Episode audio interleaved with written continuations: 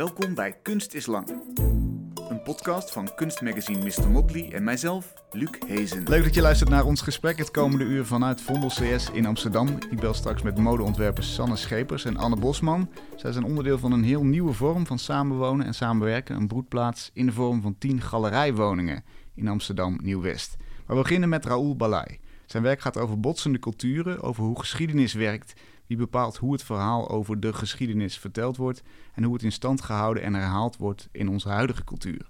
Het gaat over decoloniseren of in bredere zin het blootleggen van machtsstructuren die de status quo bepalen. In zijn eigen werk kan dat verschillende vormen krijgen. Een performance in Antwerpen bij een sokkel waar weliswaar de koloniale Belgische koning Leopold II vanaf is gehaald, maar waar de chocoladeindustrie nog neocoloniale kenmerken heeft. Een tentoonstelling over de beeldvorming rondom cowboys en indianen in populaire cultuur en kinderspelletjes. Of in de vorm van een installatie zoals hier nu te zien is in Nest in Den Haag. I Should Love You More Than Pizza. Waar je een tempel van kartonnen dozen binnenstapt om een kaarsje aan te steken voor je zonde. En ter ere van de bezorgers van onze H&M-kleding, van onze prulletjes van AliExpress en van onze maaltijden. Zij zijn als heiligen voor je geportretteerd. Maar hij cureert ook tentoonstellingen en geeft ze visueel vorm. Bijvoorbeeld in het geval van de hedendaagse kunst die te zien was in de tentoonstelling hier, zwart in de tijd van Rembrandt in het Rembrandthuis. Raoul, welkom. Dank je. Leuk dat je er bent. Wanneer, wanneer kreeg jij zelf het bewustzijn, geschiedenis is een geconstrueerd verhaal en dat wordt actief gevormd en gereproduceerd? Wat, wat was de aanleiding concreet? Ik denk dat dat er wel al vroeg in zat. Hoe vroeg? Uh, ik denk wel in mijn jeugd al niet zo bewust, zeg maar, zoals je het nu mooi uh, omschrijft. Hmm. Maar um, het is bij ons thuis altijd een onderwerp van gesprek geweest. Mijn vader zat in mijn jeugd in de, in de politiek, in de gemeenteraad. Uh, en was ook jurist bij het Landelijk Bureau Racismebestrijding. Dus er is natuurlijk een kader waarin je opgroeit. En daar zit dit, denk ik, wel al in, deze manier van kijken naar de maatschappij. Maar ik denk als je het over mijn vrije werk hebt, dat dat eigenlijk een beetje richting het einde van de kunstacademie. Ik heb toen een project gedaan en uh, ik moet die site eigenlijk weer online zetten. Het heet uh, instoresnow.nl. En het uitgangspunt was, het was natuurlijk in het begin dat er... Uh, ik ben in 2006 in januari toen afgestudeerd. Dus ik heb eigenlijk mijn eindexamenproject in 2005 gedaan. En toen waren telefoons nog niet zo internet-savvy als ze nu zijn. Ja. Um, maar de oprukkende reclame en de druktechnieken werden toen goedkoper. Dus het kwam heel erg op ook. Van dat je opeens uh, reclameborden voor, voor pisbakken op de herenwc. Dat is nu, niemand denkt erover na. Dat was toen net nieuw. En toen werden er een paar stappen gemaakt. Dus ik had toen een fictief reclamebureau opgezet. Waarin je aan de binnenkant van stijgerdoeken, op sekswerkers, op grote billboards in de zee bij Zandvoort. Zodat je eigenlijk de horizon in de zee niet meer ziet. Op die manier daarmee gaan spelen. En dat was mijn eindexamenproject. Dus ik denk in die tijd dat ook het meer in mijn autonome werk al uh, zijn plaats vond. Want, want eh, zeg maar, in abstracto is dat heel makkelijk te begrijpen en is het iets, iets wat, ja, wat, wat logisch is bijna. Maar mhm. in praktijk is het natuurlijk heel iets anders. Voordat je er in de dagelijkse werkelijkheid misschien tegenaan uh, stoot of hè, voordat je het opmerkt. We, weet je nog een voorval of, of, een verhaal of een idee dat je dacht, ja, nu gaat het kwartje vallen. Dit is, er is niet de geschiedenis. De geschiedenis is wat er van een, een dominante groep van gemaakt wordt? Nou, ik denk in mijn eigen ontwikkeling dat um, ik ben onderdeel geweest van uh, de State of L3. Dat uh, is een project geweest wat Antonio Guzman is uh, gestart in 2008, volgens mij is hij daarmee begonnen, of zes. Um, en dat had een sterke connectie met, met de L3-genengroep, wat eigenlijk een deel van West-Afrika omvat. En het project bestond eigenlijk uit kunstenaars uit West-Afrika in contact brengen met uh, kunstenaars uit Noord-Brazilië en het Caribisch gebied. En mensen met die afkomst die in Nederland wonen als kunstenaars. En kijken of we een visuele taal en uitwisseling konden starten die waardevol voor ons was als kunstenaars, maar ook wel voor, voor het bredere kunstdiscours. Um, en ik denk dat dat me wel heel duidelijk heeft geleid naar het herbevragen van wat is, een, wat is het discours, ook, ook binnen de beeldende kunst. Want dan botsen opvattingen in zo'n project? Of dan kom je erachter van, hey, de, aan de andere kant van de tafel wordt er misschien heel anders gedacht? Of hoe, hoe ging dat?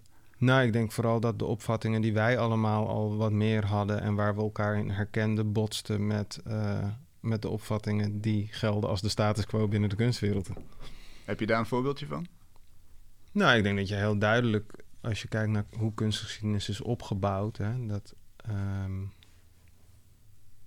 Nou ja, bijvoorbeeld een uh, non-favorite van mij in de kunstgeschiedenis die, uh, die heel bekend is, is Picasso. Weet je? Alleen al de term primi primitivisme uh, is natuurlijk een fase van hem. Mhm. En wat je veel meer ziet in dat tijdsbeeld is dat men gewoon grenzeloos liep te jatten uit alle andere werelddelen. Maar um, nou wordt wel vaker geleend in de kunst natuurlijk. Maar, ja. Maar dat primitief en die kadering is natuurlijk een ding wat heel erg met een bepaalde mindset samenhangt. Wij staan hierboven en, en zij staan daar beneden beeldjes te snijden, zeg maar. Ja, en wat, wat je dus eigenlijk ziet door hoe wij nog steeds een heel ja, westerse blik op bijna alle kunst hebben.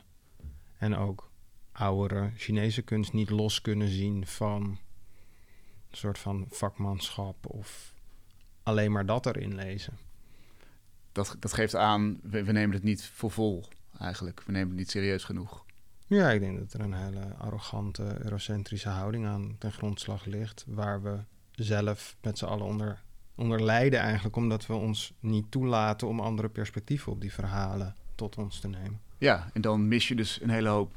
Ja, we missen met z'n allen enorme, enorme delen van het, uh, het kunstlandschap ook. Ja. ja. Wat ik een mooi voorbeeld vind, of, of een illustratief voorbeeld in ieder geval, de weergave van Jezus. Hier in de westerse wereld en de westerse kunstgeschiedenis is hij gewoon wit. Althans, ik zeg gewoon, maar hè, zo kennen wij hem als gewoon wit. Terwijl het historisch gezien heel, heel onwaarschijnlijk is dat hij wit was afkomstig uit, uh, uit, uit Palestina, uit Israël, hoe je het ook uh, in mhm. die regio in ieder geval. En misschien zelfs gewoon zwart is geweest. Ja. Wat, wat, wat, wat heeft dat voor gevolgen eigenlijk inderdaad als je, als je dat zo doet? Want er zullen mensen zijn die zeggen, ja, nou ja, elke cultuur eigent hem misschien toe, geeft hem een eigen kleur. Maar is, het, is kwalijk. Dat, dat, is feitelijk natuurlijk niet zo. De verspreiding van, van het christendom is door de katholieke kerk via koningen die vertegenwoordigers van God op aarde waren in sommige tijden, qua hoe dat gezien werd. Ehm, en dat is heel, heel schadelijk, denk ik, omdat nou ja, het gaat de laatste tijd in de maatschappij natuurlijk wel vaker over wat is witte suprematie en, en wat is white privilege en hoe hangen die. En het zijn een beetje grote termen misschien, maar ehm, ik denk dat je het heel simpel terug kan brengen als je het weer naar reclame terugbrengt, waar mijn eindexamenproject over ging. Subliminal messaging is, is niet iets wat ter discussie staat binnen de, binnen de reclamewereld. Leg even dus uit wat het Subliminal messaging is uh, dat er een heel korte flits van iets door een film heen wordt geknipt, dat je het niet eens ziet. Maar ook product placement kan daar onderdeel van zijn. Een blikje cola bij je favoriete acteur op tafel, waardoor jij nou ja, dan wel op dat moment zin krijgt in cola. Of de associatie onbewust in je hoofd legt van, oh, cola drinken is cool, want die en die acteur die drinkt het ook. Um, ik vind het heel gek dat, want dit stond gisteren ook in trouw. En ik, dan kijk je natuurlijk even bij de, bij de reacties uh, van wat mensen zeggen over zo'n artikel. En er, er, is een soort raar beeld dat um, dus dan van Erik van ja, dit is weer zo'n typische beeldenbestormers, uh, westerse cultuur moet kapot, kunstenaar en zo, weet je, dat soort dingen. Dat ik er wel best wel om moet lachen, want als je terugtrekt naar die reclame, is er geen... Er zijn heel veel studies over, over hoe beeld doorwerkt in je voorkeuren en wat je ziet als hoge status of als lekker of als prettig en wat je ziet als bedreigend uh, of negatief. Ja, en, het is gewoon wetenschap, het is gewoon hoe hersens werken. Ja, daar is helemaal geen discussie over. Hmm. En dat, dat voorstellen als de zoon van God, of eigenlijk één van de heilige drie-eenheid, natuurlijk binnen het christendom, uh, als een witte man, gecombineerd met de dominantie en de overheersing, de plundering door de witte gemeenschap op de wereld vanuit Europa van de afgelopen 500 jaar in de rest van de wereld. Dat heeft een heel schadelijk beeld voor mensen die niet wit zijn, omdat je een, uh, nou ja, er kan een minderwaardigheidsgevoel over ontstaan, maar je kan ook aan de andere kant een overmatige arrogantie krijgen aan de witte kant over wat je plek is tussen andere mensen. En ik denk dat we daar met z'n allen uh, op verschillende manieren uh, mee worstelen en gewoon vanaf moeten. Want wat jij zegt ook, het is het Midden-Oosten. Er werd in die tijd niet per se in uh, huidskleur of ras precies zo gedacht als nu. Hè? Ras is een construct uit de 19e eeuw, zou je kunnen zeggen. Hè? Met de hele ontwikkeling van racisme zoals we het nu kennen. En de eeuwen daarvoor al dat er gecategoriseerd werd in mensen. Maar dat geldt niet voor die tijd van Jezus. Wel kan je kijken, als je gelooft dat, dat hij echt heeft bestaan, van oké, hoe zit dat bijbels in elkaar? En dan kom je natuurlijk, nou ja, Hij komt van Mozes voort. die ging door voor de zoon van de farao. Hoe zat Egypte in elkaar in die eeuwen daarvoor? En dan kom je toch uit bij, nou, wel wat donkerder als uh, nou ja, de gemiddelde Syriër of, uh, nou ja, Jezus was een Jood, maar de uh, lichte Israëli's die wij van tegenwoordig kennen, is niet het beeld waarschijnlijk wat Jezus zag als hij in de spiegel keek. Ja, dus ergens gaandeweg is dat ofwel bewust of onbewust gemanipuleerd. Maar in ieder geval, er, er, is een witte variant van gemaakt en gezegd: dit is het, zo is het. Ja, ik denk dat, uh, dat het gewoon een machtsmiddel is. Dat, is sowieso mijn opvatting nogal over de Bijbel. Hè? Als je weet dat er, de nou ja, ze delen, er missen delen. Je weet hoe de katholieke kerk zich uh, heeft gepresenteerd over de afgelopen eeuwen. Ik denk bijvoorbeeld als we het over kolonialisme hebben, is een theorie van mij dat het, het gesprek over kolonialisme heel lastig is in Europa, omdat um, de Europese gemeenschap, uh, nou ja, hè, joods-christelijke traditie, uh, maar ondertussen zoekt iedereen naar shamanen in andere culturen. Volgens mij is het de moeite waard voor Europa om te kijken of ze naar hun eigen shamanisme terug kunnen. Want eigenlijk is heel Europa natuurlijk gekoloniseerd door de katholieke kerk. Mhm. Zolang dat besef niet groeit, dat je geest gekoloniseerd is door dat christendom. En hoeveel, uh, ja, hoeveel destructie dat eigenlijk aan Europese cultuur heeft voortgebracht. Want eigenlijk is de, Euro de Europese cultuur, ik klink een beetje als Maxima toen ze in Nederland was. maar de Europese cultuur is natuurlijk voor een heel groot gedeelte weggevaagd door de katholieke kerk. Ja. Wat zonde is, en het is heel cru, denk ik, dat de mensen die er het meest in geïnteresseerd zijn, neonazies zijn. Hè? Die, die, die pronken met runen en Keltische culturen en Germaanse culturen, wat heel weird is. Ja. Jij hebt, uh, en daar komt misschien kunst om de hoek kijken, bijvoorbeeld in die tentoonstelling in het Rembrandthuis een Black Jesus gemaakt, samen met Brian Elstak, een soort graffiti-achtig portret. Mhm. Eh, welke rol kan kunst daarin spelen, denk jij? Is, is die opgewassen tegen, tegen zo'n instituut als bijvoorbeeld de, dan de katholieke kerk met, uh, met, met al dat machtsvertoon? Nou, ik denk dat het gaat om, uh, nou ja, je zou bijna kunnen zeggen om zieltjes winnen, maar om, om mensen hun perspectief open te breken. En ik denk dat kunst de kracht heeft om mensen op een hele andere manier te raken en, en, deuren te openen in hun geest. Misschien nog niet eens meteen, maar misschien twee dagen later, misschien pas een jaar later dat iets inzinkt. Waardoor je toch anders dingen gaat bevragen, anders in gaat zien. Uh, jezelf gewoon sowieso meer openstelt voor die uh, verschillende perspectieven. Laten we eens toegaan naar jouw nieuwste installatie, nu te zien in Nest in Den Haag. Als je love you more than pizza. Die hashtag die ken ik wel, I love you more than pizza. Toch een soort serieuze liefdesverklaring in tijden van Netflix en lockdowns. Ja. je bent belangrijker voor mij dan de pizza die ik bestel. Maar jij buigt hem om naar onder andere de mensen die hem kon brengen. Ja. Wat, waarom? Wat, wat wilde je daar aansnijden? Nou, ik, ik vind het belangrijk dat we als uh, kunstenaars en als kunstwereld als geheel de niet-kunstkenners ingang bieden in onze wereld. En daar is een hashtag heel fijn voor. Ja. bovendien hou ik van pizza, dus dat is ook een goede, goede reden. Ook bijna iedereen reden om ja, precies, ja, hashtag te gebruiken. Toegankelijker wordt het niet eigenlijk. Ja, en ik denk dat het ook een mooi symbool is om omdat, nou ja, wat je ook als je het hebt over kolonialisme of racisme en consumentisme en kapitalisme, al die isms, dat het heel vaak en snel over schuld gaat en over heel, heel zwart-wit, goed en fout. En dat is er, denk ik, niet echt in veel van die gevallen.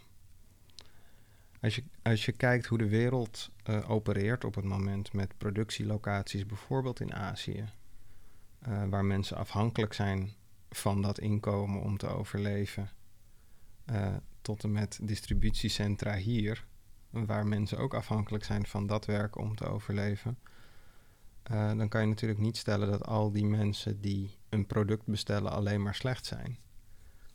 Um, ook als je ziet dat er in Azië bijvoorbeeld ook mensen zijn die die producten ook gebruiken, die misschien wel naast diegene wonen die in die, in die um, fabriek werkt maar er is wel een ander keuzevrijheidsverhaal en een ander machtsverhaal. Ja, want het gaat jou om die productieketen die achter die pizza uh, zeg maar dat het spoor dat erachter getrokken wordt. Ja, en het, het pakketje is voor mij dan een inwisselbaar pakketje. We kunnen het op alles plakken. Kijk, als we het over Azië hebben, zal het snel over techniek of plastic producten of kleding gaan. En dan kan je natuurlijk zeggen, de grondstoffen worden veroorzaken ecologische schade. Mm. De fabrieken waar de chemische producten als verf om het te verwerken worden gemaakt, veroorzaken ook chemische schade. De mensen werken in fabrieken onder discutabele omstandigheden op zijn minst. Mm.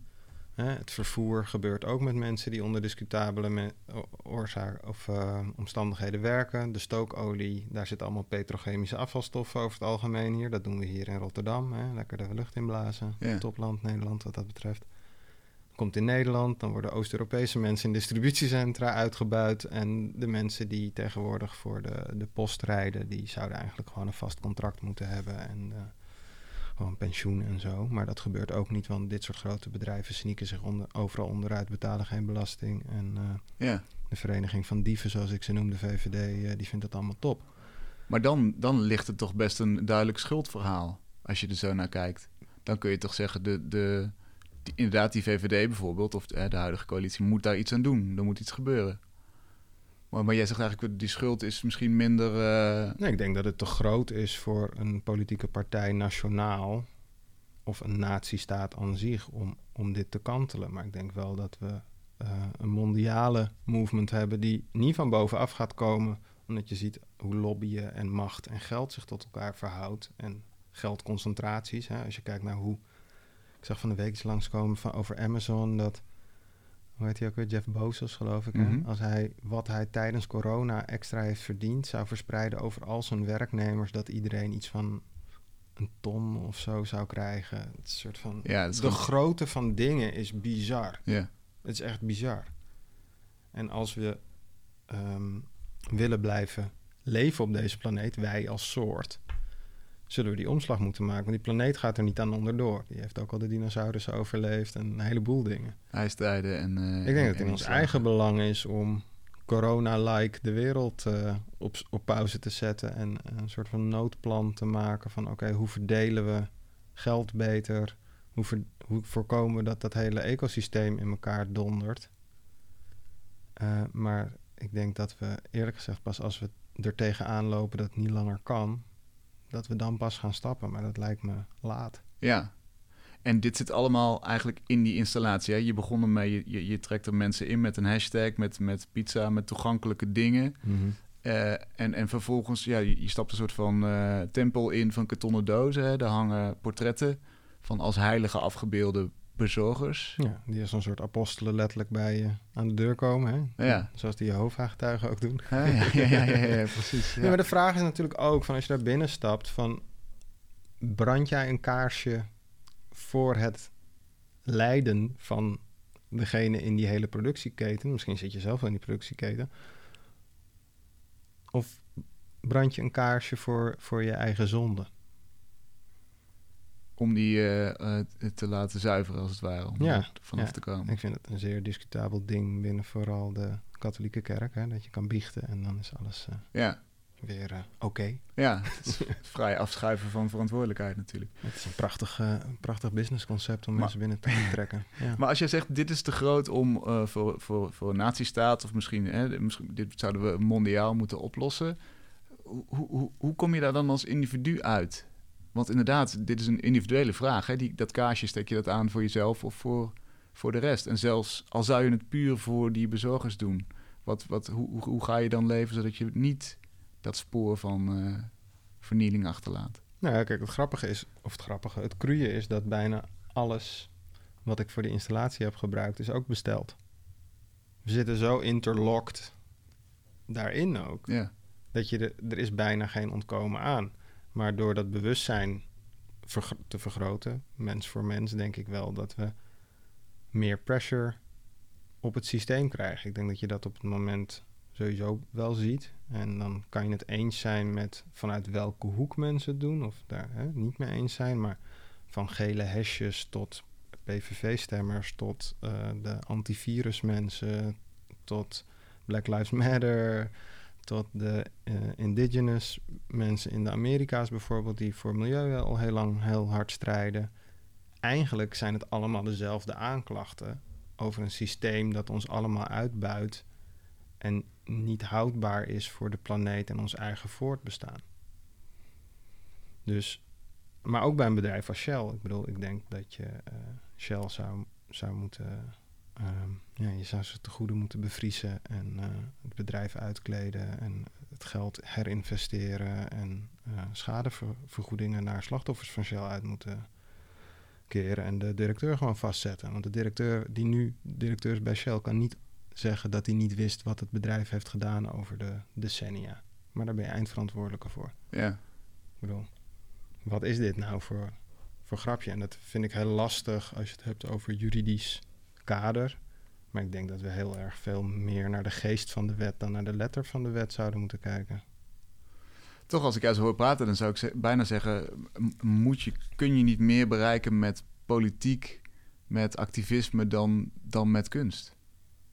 Nou, ik hoop dat er mensen van de Shell in een uh, managementniveau uh, dit zien, of hier naar luisteren misschien, ja. en zelf gaan nadenken. Ik denk dat je bereik als kunstenaar veel groter is, omdat je een filosofische overweging kan neerleggen. Mm um, en dat je van daaruit veel meer mensen kan inspireren.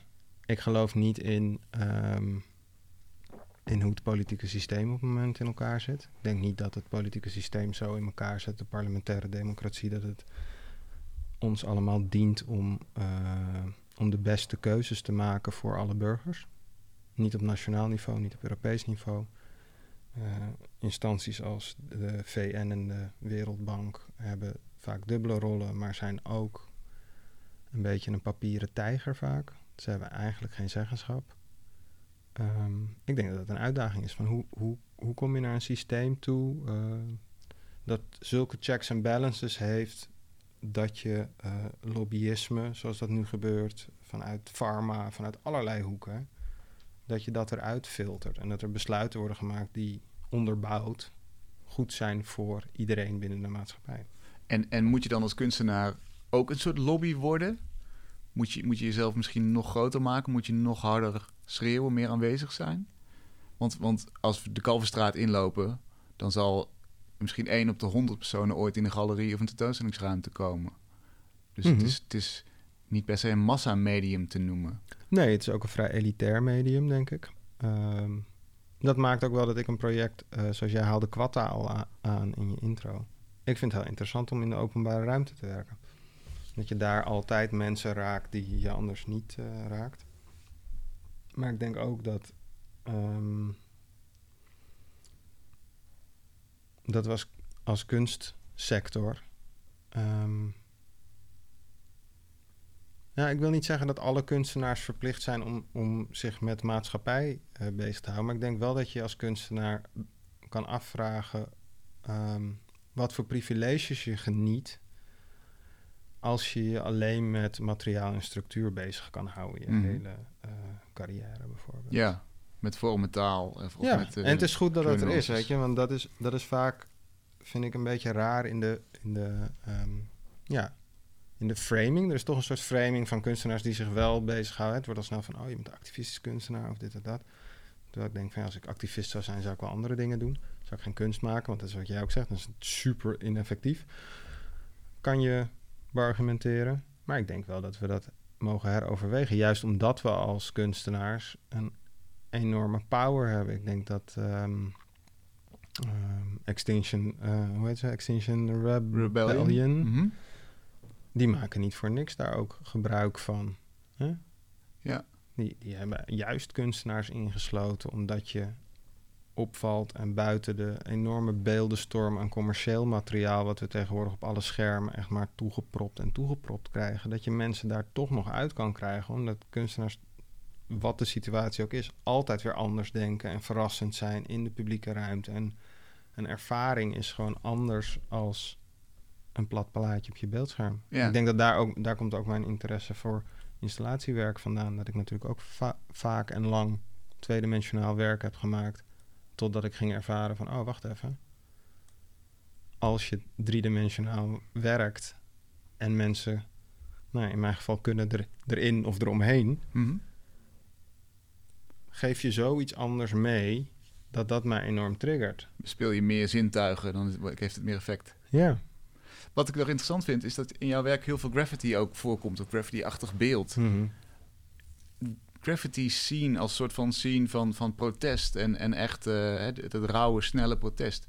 Voor mijn gevoel is, is het een beetje verdrongen. Is het, is, is, ik zie het niet zoveel meer. Of let ik niet goed genoeg op. Ja, dat is volgens mij gewoon schoonmaakbeleid ook. Ja, ja. ja. ja dat is een vrij er is in Nederland, zeker in Amsterdam, is een heel effectief uh, anti-graffiti-beleid gevoerd vanaf de eind jaren negentig. Ehm, maar ik denk dat graffiti sowieso. Um, ook zijn niet alles. Ik, het is ook mijn achtergrond, daarom zie je het ook terug in mijn werk. Maar ik denk dat conceptueel denken schrijvers daar misschien niet altijd over na. Maar eigenlijk is elke tag, dus elke, uh, hoe zeg het verleken, een handtekening, mm. een spuitbus of een stift. Of een piece, grotere gekleurdere werken is een, is een aanklacht tegen het systeem. Het is altijd laten zien van dit mag niet, maar het kan wel. Ja. En dus openbreken van, van een machtsstructuur. Zeggen ja, van jullie krijgen ons er niet onder. Ja, het is, het, is dat, de rebellious ding. ja, altijd. Ik vond het ook wel goed. Ik las van, ehm, van de week ergens, ehm, volgens mij kwam het uit het stadscuratorium voor. En uh, daar was een gesprek geweest uh, over het bewaren van graffiti en of dat een plek moest hebben. En volgens mij was het Mick Rock die zei van ja, maar dat is nou net het, wat het medium niet is. Het moet juist verdwijnen. Ja, het moet, moet niet. Uh, je moet er geen grip op kunnen hebben als, als machthebber of als. Uh... Nee, maar sowieso ook als kunstwereld. Ik denk dat je het met Banksy heel goed ziet. Een soort van mensen die een muur uit gaan zagen omdat dit beleggingswaarde heeft, omdat het die kunstenaar is, terwijl het een aanklacht is tegen dat systeem eigenlijk. Ja. ja. Het is echt fucked up eigenlijk. Ja, zeker. het is heel, heel naar. Heb jij voor jezelf een soort van statement? Zo, dit, dit moet mijn werk doen. In het ideale geval. Mm, nou, waar ik de, de, laatste tijd heel actief mee bezig ben als ik nieuw werk maak. Um, en dan heb ik het vooral over werk wat meer in galeriesettings plaatsvindt. Is dat ik um, ervoor wil zorgen dat mensen hun vizier open houden als ze het werk zien. Dus dat er niet een soort van prejudice is, of dat, er, dat je in eerste instantie gewoon iets ziet waardoor je een deel van je uh, mening al klaar hebt. Mhm. Maar dat je die openheid behoudt om het werk binnen te laten komen. Ik vind dat een heel interessant en uh, nodig hoe, gegeven. Hoe doe je dat heel concreet? Nou, ik denk dat het vooral komt omdat ik eerder wel explicieter was in, in wat ik in schilderijen stopte qua, qua leesbare boodschappen. Ehm, als je kijkt naar bijvoorbeeld Woefu, wat bij Framer Frame stond in 2015, wat heel erg over vooroordelen gaat en over, nou eigenlijk heel actueel. Ik zou hem zo weer kunnen, als iemand geïnteresseerd is. Ik heb nog een hele nice installatie voor, uh, de vooroordelen over uh, Chinese mensen. Wat mhm. natuurlijk een spiegel is naar hier. Het gaat niet, het is een beetje net als met cowboy-indianen dingen. Het gaat niet over dat spelletje, het gaat niet over Chinese mensen. Het gaat over je blik hier en hoe werkt beeldcultuur hier. Maar dat is wel explicieter in de zin van... Um, er zit een schilderij in met... Uh, looks like Bruce Lee staat er letterlijk op. Oh ja. Het is niet omdat ik er Bruce Lee in zag, maar ik een portret had geschilderd en iemand mijn atelier binnenkwam en heel letterlijk zei van, oh wat tof, je hebt Bruce Lee geschilderd. Toen dacht ik, ah ja, hier hebben we er weer eentje. Ja, te gaan opzetten. Ja.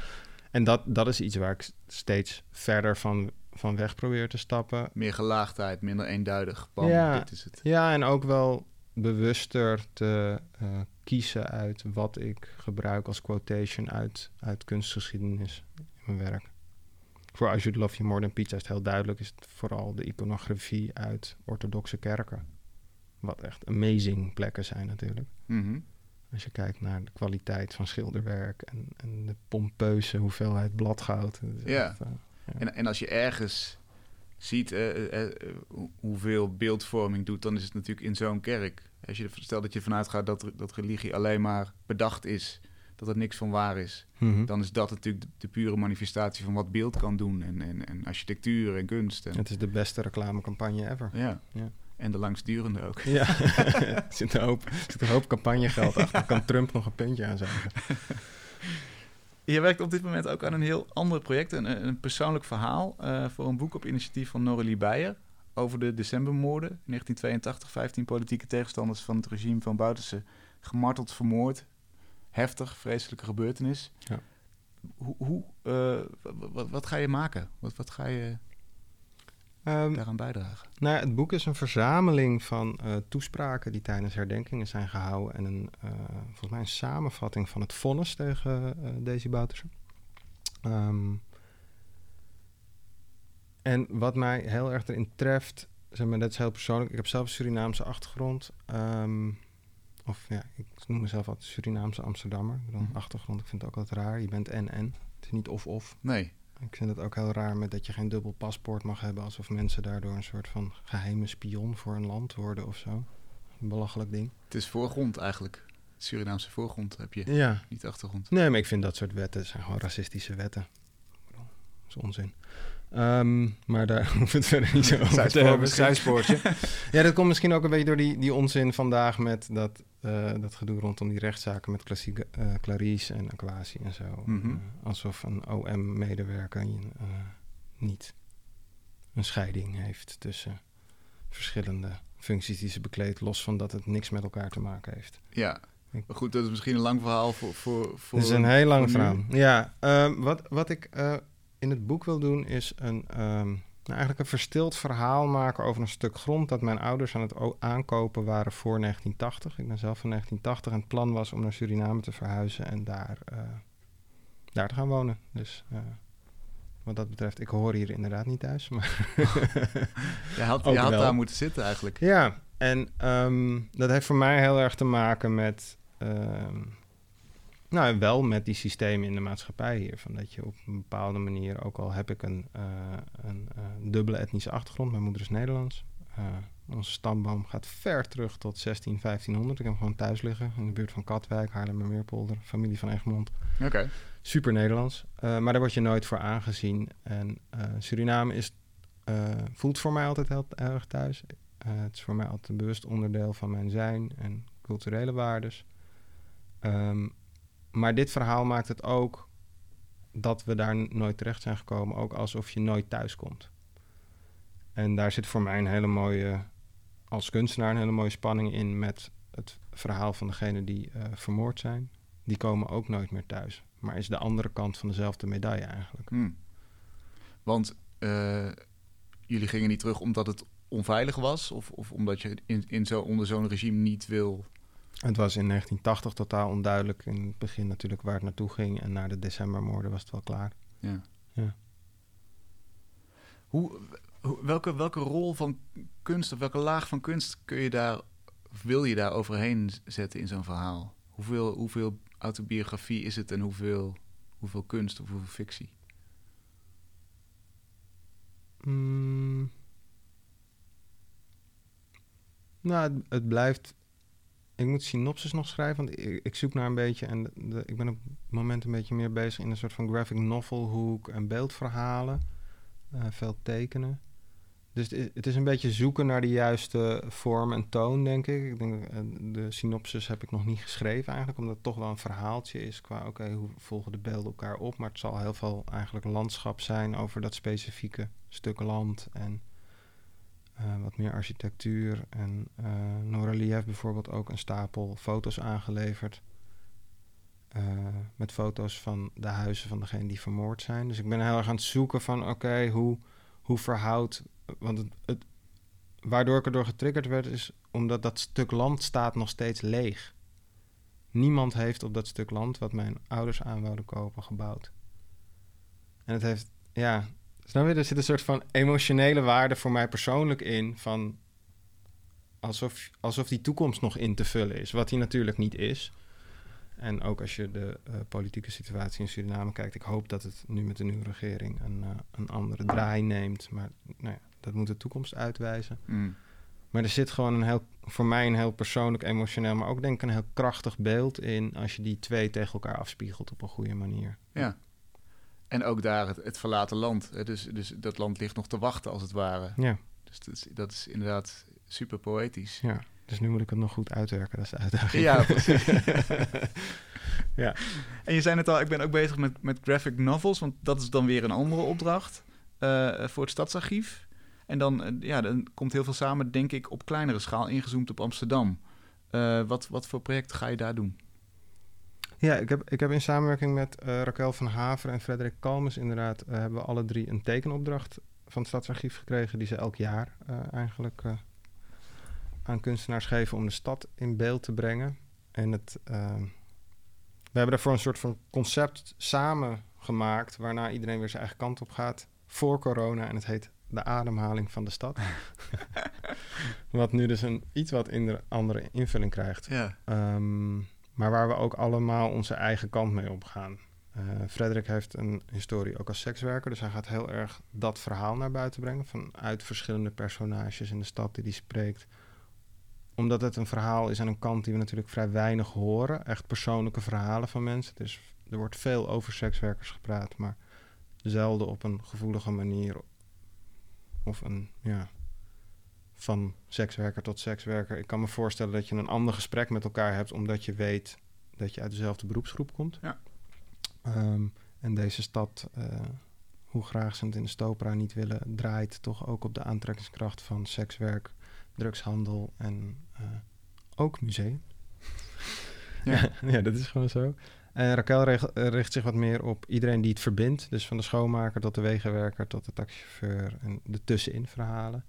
En ik heb voor mezelf eigenlijk drie gebieden waar ik me op wil richten. En dat zijn. Ehm, het hangt allemaal samen over wie is een echte Amsterdammer en wie niet. Hmm. Ik ben nu het eerste, eerste verhaal aan het uitwerken. En dat gaat eigenlijk over een groep jongeren uit Nieuw-West. die uh, uh, LAN-games uh, sessies organiseren. Dus voor de mensen die dat niet weten, dat zijn dus sessies waarin fanatieke computerspelletjespelers samenkomen om toernooitjes te spelen, om te socializen, et cetera. Wat ook een beetje ingaat tegen dat stereotype beeld van uh, pubers alleen op hun kamer. Um, ik vind het heel interessant hoe die generatie die nu eind tiener en in de twintig is uit Nieuw-West heel erg vanzelfsprekend omgaat met diversiteit in de stad. Wat natuurlijk gewoon een gegeven is als je kijkt naar de samenstelling van de stad, maar waar soms nog heel spastisch over wordt gedaan. Um, en de tegenstelling tussen uit en thuis en sociaal en niet sociaal gezien worden. Wat ook weer een andere lading krijgt door COVID, omdat zij hun sociale get-together dus weer ontnomen is door dat virus, waardoor ze wel weer alleen op hun kamer zitten. Ja, precies. Dus uh, daar ben ik nog een beetje mee aan het stoeien. En uh, het tweede verhaal wil ik eigenlijk over de rozen en Polaroid verkopers in de stad maken. Omdat die uh, nou, niet allemaal legaal in de stad zijn, maar wel heel erg een onderdeel van de stad zijn. Voor mij persoonlijk ook veel meer een onderdeel van de stad en veel meer echte Amsterdammers als mensen die het kapitaal hebben en bijvoorbeeld uit Amersfoort komen en hier een appartement kopen, wat daarvoor een sociale huurwoning was. Uh, wat echt een proces is waar we echt mee moeten stoppen als stad, want het, we hollen onze eigen woonomgeving uit. Um, maar dat gaat terug dus op de vraag wie, wie wil je in een stad hebben eigenlijk? Wie mag er zijn? Ja, en wat, wat is legaliteit en wat is een bijdrage ook aan de stad? Wie heeft waarde voor een stad? Um, en in die zin ook de, de, laatste groep waar ik me op wil richten is, is uh, nou ja, plat gezegd, uh, de volkse oude, uh, beetje het Jordaanese type witte Amsterdammer omdat ik ook denk dat uh, die ook verdrongen wordt uit de stad. Mm. En dat dat een onderdeel is van het karakter van de stad. Zeg maar die, die oudere generatie die, die echt die lijnen naar 100 jaar terug brengt. En ook die culturele waarden met zich meedraagt. Qua muziek, qua uh, type cafés, qua mentaliteit die je ziet verdwijnen. Wat in die mondialisering, denk ik, een, een gebrek is als je dat niet koestert, omdat dat je, je karakter ook vormt als stad. Dus eigenlijk gaat het hier ook weer over ingezoomd op een kleiner gebied, die hele grote mondiale structuren. Ja, en ook hoe, hoe historie dat uh, uh, vormt en hoe de status quo daar mee omgaat. Want ik denk dat dat wel terugkomt ook. Nou ja, hè, je hebt het over illegaliteit, je hebt het over uh, etnische diversiteit in een, in een stad, wat eigenlijk hele grote thema's zijn die op het moment spelen. Uh, deels terecht, deels onterecht, denk ik. En uh, waar de warmhartigheid, hè, om maar eventjes iets uit het Amsterdamse wapen uh, te pikken, vaak mist. Mm Tegelijkertijd is het natuurlijk een interessant idee dat je... Kijk, de Jordaan en de typische Amsterdamse cafés... Ja, ook die, die, die, die zullen ook niet altijd blijven bestaan. Hè, zoals mm zoals Nieuw-West een, een, een vanzelfsprekende uh, gemengde etniciteit gaat krijgen. En misschien in heel Amsterdam op den duur. Hmm. Wat, zoek je een soort van punt op de horizon van dit is de ideale stad en zo komen we er? Of, of hoe, uh, hoe probeer je dit handen en voeten te geven? Want wat is, laten we zeggen, wat is een normaal veranderingsproces en, en waar gaat het de verkeerde kant op? Hoe beantwoord je zo'n vraag? Nou, ik denk dat het daar wel weer terugkomt bij Als je love you more than pizza. Ik denk dat de, de ruimte die kapitaal inneemt in de stad en hoe wij denken over economie als zijnde als enkelvoudig uh, uh, financiële middelen systeem. Uh, dat dat geen goede manier is om naar te kijken. En ik denk als je daar wel naar kijkt, dat als je naar een stad als Amsterdam kijkt, en ik denk dat je het ook kan zeggen over, over een stad als Rotterdam bijvoorbeeld. Um, dat als je in wijken waar sociale woningbouw is, wat eigenlijk sociaal kapitaal is, wat door de arbeidersklasse is opgebouwd over de tijd van ruim een eeuw, zeg maar. Hè? Vanaf socialisme ongeveer uh, in het begin van de 20e eeuw. Dat als je dat soort uh, sociaal kapitaal gaat verkopen aan investeerders die daar in een paar jaar nog veel meer geld aan verdienen, dat je het onttrekt aan je maatschappij. Dat doe je ook als je het verkoopt aan individuen. Nou hebben individuen natuurlijk andere drives voor het grootste gedeelte. Men wil wonen in een stad. En maar dat betekent niet dat je je systeem zo in moet richten dat dat zou moeten kunnen. Ik denk als jij in Amsterdam wil komen wonen, dat is de stad die ik het beste ken dan, is dat prima. Maar dat betekent niet dat sociale woningbouw in juist in delen waar uh, sociale mobiliteit, dus van hoe kan jij van hoe kom je in contact met andere sociale klassen en maakt dat voor jou mogelijk dat je groeit in die zin en, en uh, uh, zeer diverse groep aan contacten hebt, hoe, hoe waarborg je dat in een stad? Zeg maar, als je alles in het centrum gaat verkopen aan mensen die kapitaalkrachtig zijn. Dan krijg je monocultuur, dan zit er alleen maar die groep. Ja, en je ziet in de, in de, in de, in de wijken waar, uh, nou ja, uh, Massi Hoetak met Verdedig Noord is denk ik een heel goed voorbeeld. Noord is altijd super volks geweest. En je ziet gewoon dat de huizenprijzen stijgen, dat de hippe koffietentjes erbij komen, dat mensen gewoon verdrukt raken. En dat zie je ook in mijn buurt. Ik woon in Bos en Lommer. Je ziet het in de buurt waar ik ben opgegroeid, Oosterparkbuurt. Het is niet het beste voor iedereen. Huizen worden duurder, het wordt aantrekkelijker om je huis te, om ermee te speculeren, ook als privépersoon. Ja. En uh, ik denk dat we dat niet moeten willen. Ik denk dat we onszelf ook wat dat betreft gewoon de ruimte moeten geven om ons uh, opnieuw uh, uit te vinden qua hoe gaan we daarmee om als stad alleen al. Dus eigenlijk een soort van rode draad is misschien ook wel de macht van geld. Eigenlijk. Ja, ik besef me dat sinds deze installatie veel meer. Kijk, het gaat ook over intersectionaliteit. Hè. Ik denk dat je het niet los van elkaar kan zien. Dus uh, wat, wat, is het Nederlandse woord er ook? Kruispunt denken, zag ik laatst als de Nederlandse vertaling. Maar wie het niet weet, je hebt een andere levenservaring, zou je kunnen zeggen, als je uit een lage sociale klasse komt, een man bent en wit, dan dat je uit een middeninkomen komt, een vrouw bent en zwart en lesbisch. En zo zijn er allerlei dingen te stapelen en te koppelen, die bij elkaar samenkomen, wat dan intersectionaliteit wordt gezien of genoemd. Ehm, als, je die, als je in ieder geval uit die verschillende perspectieven ook die stad gaat bekijken, dan zie je ook beter wat de gaten zijn, denk ik. Ja. Uh, en waar we met z'n allen uit moeten zien te komen. Ja, maar zoals je eigenlijk in het begin over, als je het Love You More Than Pizza zei, misschien is er geen schuldvraag, of is die in ieder geval niet heel duidelijk. Uh, hier lijkt het eenzelfde soort situatie te zijn waarin, waarin mensen in de, in de tang zitten misschien wel. Misschien denk je wel, als jij een, een woning hebt gekocht van ja, en ik zou best wel naar buiten de stad willen, denk je wel van het zou goed zijn voor de stad als deze woning behouden blijft en, en lage prijzen. Maar ja, als jij een, een ton meer ervoor kan krijgen, ga je dan op individueel niveau zeggen, oké, ik, ik doe het niet, want Nee, en dat, snap, dat snap ik heel goed. Ja. Daarom denk ik echt dat het, dat het echt een systemisch ding is waar we naar moeten kijken. Hoe komen we daaruit met z'n allen? Ja. En daarom vind ik de schuldvraag ook eigenlijk met de dag minder interessant. Maar kunnen we kijken naar de oplossing? Of kunnen we zoeken naar alternatieven en kunnen we daar heel veel ruimte voor creëren? En daarom, daarom haalde ik net denk ook even de, de, ehm, de COVID-situatie aan. Van opeens was er mogelijk dat alles stil lag. Ja. Dat is, ik vind dat ook heel inspirerend. Ja. Mensen zeggen, nee, ik kan allemaal niet, want het moet door. Nee, het kan wel.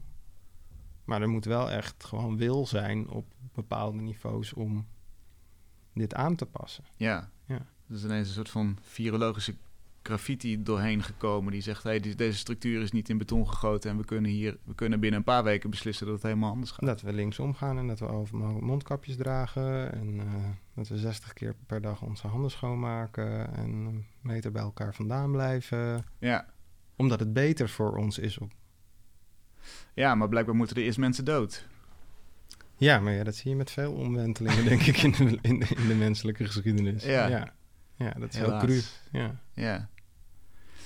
Uh, verwacht je dat dit een nog verder vervolg krijgt in jouw kunst? Die, die, die macht van geld, is dat, eh, wordt, wordt dat een nieuw groot soort thema of werkt het niet zo?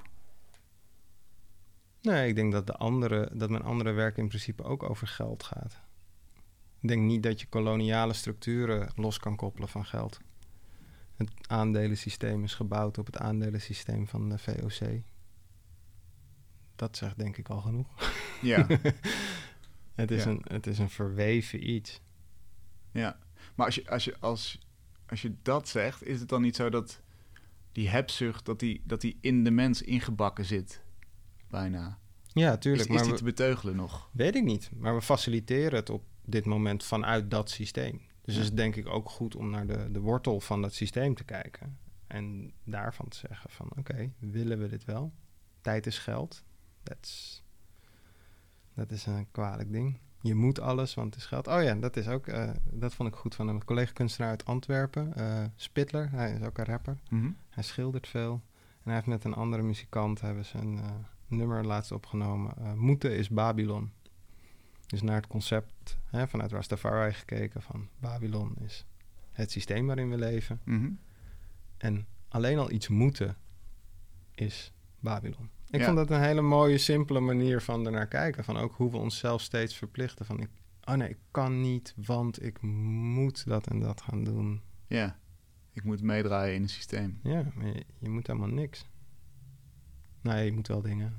Als je in leven wil blijven, maar gewoon als concept om over na te denken van hoe vaak heb je wel niet het gevoel van, oh ja, ik moet dit doen. Of ik, ik heb het zelf niet zo heel sterk met heel veel dingen. Ik ben niet zo'n consumptiemonster. Ik maak graag, maar veel mensen hebben ook gezien, oh ja, ik moet iets hebben als de nieuwste auto of schoenen of die outfit of dingen. Wat is die moed? Wat zit daarachter, achter die moed? Ja. En dat is waar kunst ons toe kan uh, uh, nou ja, verleiden om over na te denken op zijn minst. kan heel erg relativerend werken ook, om, om grotere perspectieven binnen in een mooie vorm tot je te nemen, waardoor je daardoor geïnspireerd raakt om zelf op jezelf te reflecteren of de wereld, of misschien wel iets heel anders te gaan doen in je leven. Tot uh, wanneer kunnen we jouw installatie zien in Nest in Den Haag? 22 november. 22 november. Ja. En de, de werken voor het Stadsarchief? We komen met een, een kleine oplage ziens uit uh, aan het einde van het jaar, dus laatste kwartaal, elke maand zijn er uh, eh, 100 exemplaren. Distributie is nog eventjes hoe we dat gaan doen. Dat was gepland via winkels uh, in de stad. Oh ja. Sowieso bij de winkel van het Stadsarchief natuurlijk zou je ze kunnen krijgen. Maar ik denk dat we een soort uh, mailorder systeempje moeten gaan Ik zou er roosjeverkopers in zetten. Dat is misschien wel... Ja, maar dan moeten ze wel kunnen werken. Want zoals het nu gaat met de horeca... is dat natuurlijk ook een beetje af, ja. afzakkende deel. en ja, ik hoop dat we er aan het einde van de rit... want het zullen kleine delen van het werk zijn. niet de gehele selectie. Maar het liefst uh, brengen we daar natuurlijk gewoon een boek uit uh, aan het einde van het traject. Ja. We gaan het in de gaten houden. Dankjewel, Roel. Ja, bedankt. We sluiten af met een van de vele broedplaatsen die de gemeente Amsterdam rijk is. Dit keer een bijzondere aan de Goeman Borgesiusstraat in Geuzenveld, Amsterdam Nieuw-West. Geen grote loods dit keer, maar tien atelierwoningen bij elkaar. Aan de lijn hangen Sanne Schepers en Anne Bosman, samen met collectief Schepers Bosman. Sanne en Anne, welkom. Hallo. Hi, leuk dat jullie samen aan de lijn hangen. Jullie broedplaats heeft eigenlijk een bijzondere vorm. Hè? Laten we daarmee beginnen. Hoe, hoe ziet het eruit? Um, nou, we zijn eigenlijk een plek in Amsterdam Nieuw-West, Geuzenveld. En we bestaan uit een tiental atelierwoningen. Um, die op de bovenste verdieping van een normaal appartementencomplex zitten. Dus we zijn niet super zichtbaar. Mm Maar we zijn dus echt een tiental woningen waar makers wonen en werken boven hun woning. En het zijn tien woningen. Wonen er kunstenaars, muzikanten, uh, modeontwerpers? Wie zit er allemaal?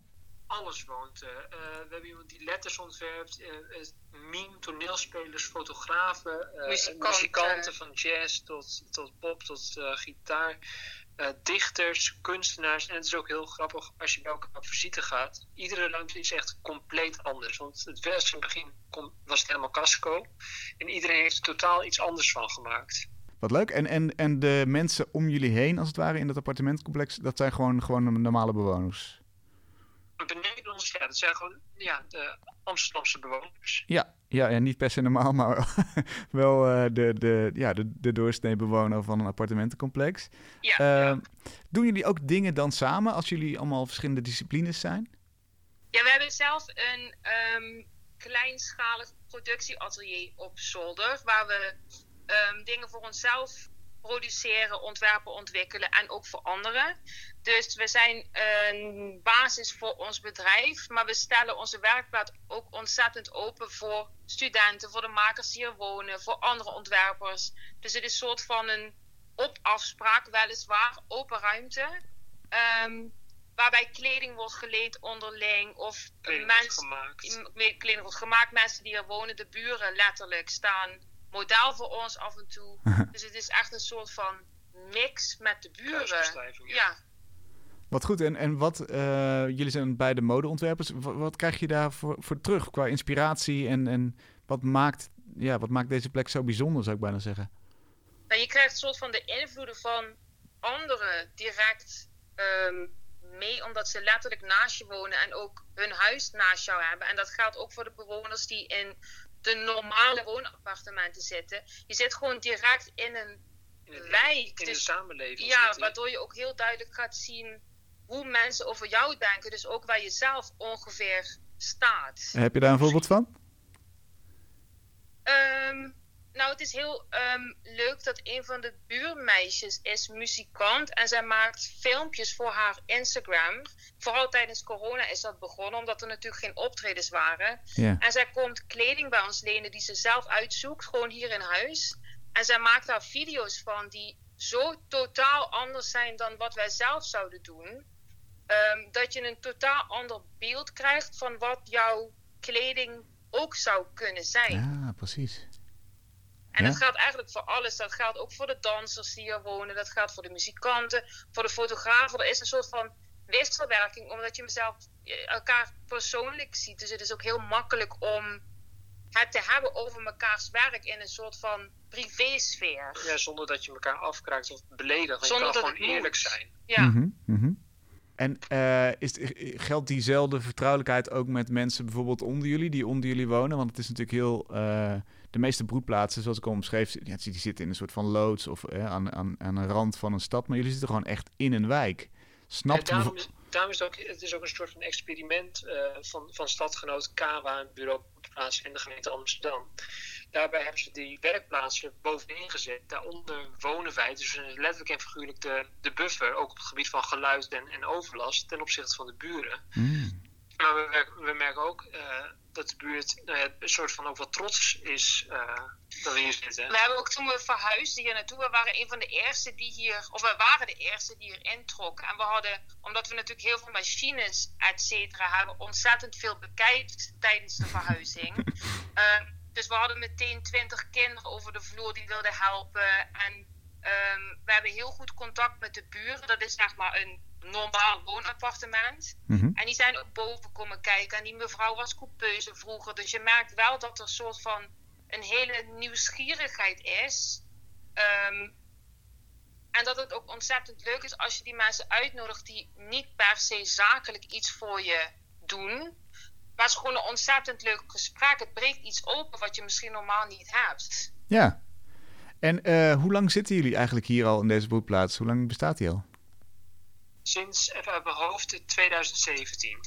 En is er dan ook iets te zien of te doen voor het algemene publiek? Wat, wat nu naar deze podcast luistert en denkt van... ah, ik wil eigenlijk wel eens kijken daar? Nou, op afspraak doen we sowieso altijd alles, omdat het ook ons, um, nou ja, onze privé woonruimte is. En dat geldt eigenlijk voor iedereen. Maar we hebben al, uh, nou ja, zeg maar alle bekende kranten uit Nederland, tijdschriften, stylisten, ontwerpers. Iedereen komt bij ons over de vloer. Maar we ontvangen je, Ja, naar Geusveld. Dus we ontvangen je echt thuis. Dus het, is wel op afspraak. We zijn iets geslotener dan een normale broedplaats. Ja. Maar er is zeker een afspraak te maken voor mensen die langs willen komen of die iets met ons samen willen doen. Juist dat. Ja. Dus er is onder andere. Er zijn ook veel studenten die voornamelijk langskomen op dit moment. Ja, het is wel echt een open werkplaats waar we ook mensen achter de machine zetten die iets willen doen. En muzikanten die ja, vorm, als ze willen verbeteren in de vorm van kleding of dingen, ideeën kwijt willen die ze, ja, die ze waarvan ze de techniek niet wel hebben, maar wel iets op het podium willen zetten hmm. als ze in hun hoofd hebben. En hoe werkt het dan? Want eh, het klinkt bijna alsof jullie een soort van uh, uh, werkplaatsbeheerders zijn. Maar jullie hebben natuurlijk ook gewoon je eigen werk en je, en je eigen projecten. Ja, dat is ook wel is af en toe wel lastig inderdaad. Maar het is juist die dingen van het klinkt toch gek, maar een muzikant achter de machine, dat geeft zoveel andere inzichten waar je niet op komt. En je hebt ook de gesprekken die je hebt. Geeft gewoon een hele andere inzicht op wat je zelf doet. En dat geeft, wat we ook merken, is dat muzikanten heel anders naar zich en figuurlijk zijn gaan kijken over kleding en wat dat doet op het podium. Hmm. En ik denk dat die wisselwerking, daarom is het ook zo slim dat al die broedplaatsen naast elkaar ook zitten. Ehm, dat die wisselwerking zo belangrijk is. Want anders krijg je gewoon een eentonige vorm van kunstvorm die we eigenlijk al kennen. En daar bereik je volgens mijn gevoel niet zoveel mee. Ja, te gek. Het klinkt als een, als een schitterend experiment en uh, hopelijk gaat het nog lang goed. Zit, ja, zitten jullie daar? komt er een soort van open dag of is het inderdaad echt, echt op afspraak en uh, um, het liefst met, met een beetje een leuk idee? Er is wel altijd een plan geweest om um, iets te gaan doen samen. Dus dit hangt wel in de lucht. Mm Maar het ding is natuurlijk wel, we zitten allemaal in onze eigen ruimte en op ons eigen eilandje. Dus het is ook, zelfs om samen te eten, iedereen is zo druk. Af en toe best een uitdaging, maar... iedereen zit ook in een ander ritme. Ja. We, weten bijvoorbeeld, wij zijn heel erg van, ne eh, van 9 uur s ochtends tot en met uh, eh, 7 uur s avonds, om zo maar te zeggen, als er geen overwerk is. Uh -huh. Uh, maar de, muziek, uh, de, mensen die voornamelijk muziek maken, die zeggen ja, ik begin het liefst om 1 uur s'nachts en ik ga om 10 uur s ochtends uh, pas naar bed. Omdat meer, onze ritmes zijn zo compleet anders en ook onze jaarplanningen. We proberen nog steeds een datum te prikken. Om zo maar te zeggen. Ja, het zou wel een droom zijn om met de bewoners die er nu zitten, want we zijn allemaal de eerste per huis, om een keer een tentoonstelling samen te doen of een, of een avond waar iedereen zijn ding doet. Want het gebeurt in het klein dus wel al, alleen niet in zijn geheel. En dat moet er dus eigenlijk nog komen. Nou, het is een keer gebeurd in Vondel CS. Ah, kijk. En we een aantal bij Vondel CS, volgens mij was dat Vondel CS CS1 presenteert. Er zaten toen heel veel mensen uit deze broekplaats zaten erbij in. Is er een manier om jullie dus online uh, in de gaten te houden? De, de Goeman Borgesiusstraat, zeg ik er maar even bij. Maar uh, hebben jullie een Facebookpagina of is er een website?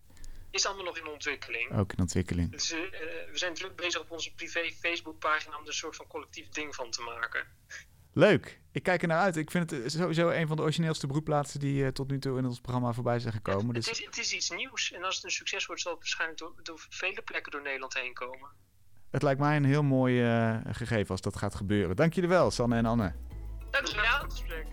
Tot zover Kunst is Lang van deze week. We zijn er volgende week weer en dan zit Job Wouters tegenover me. Graag tot dan.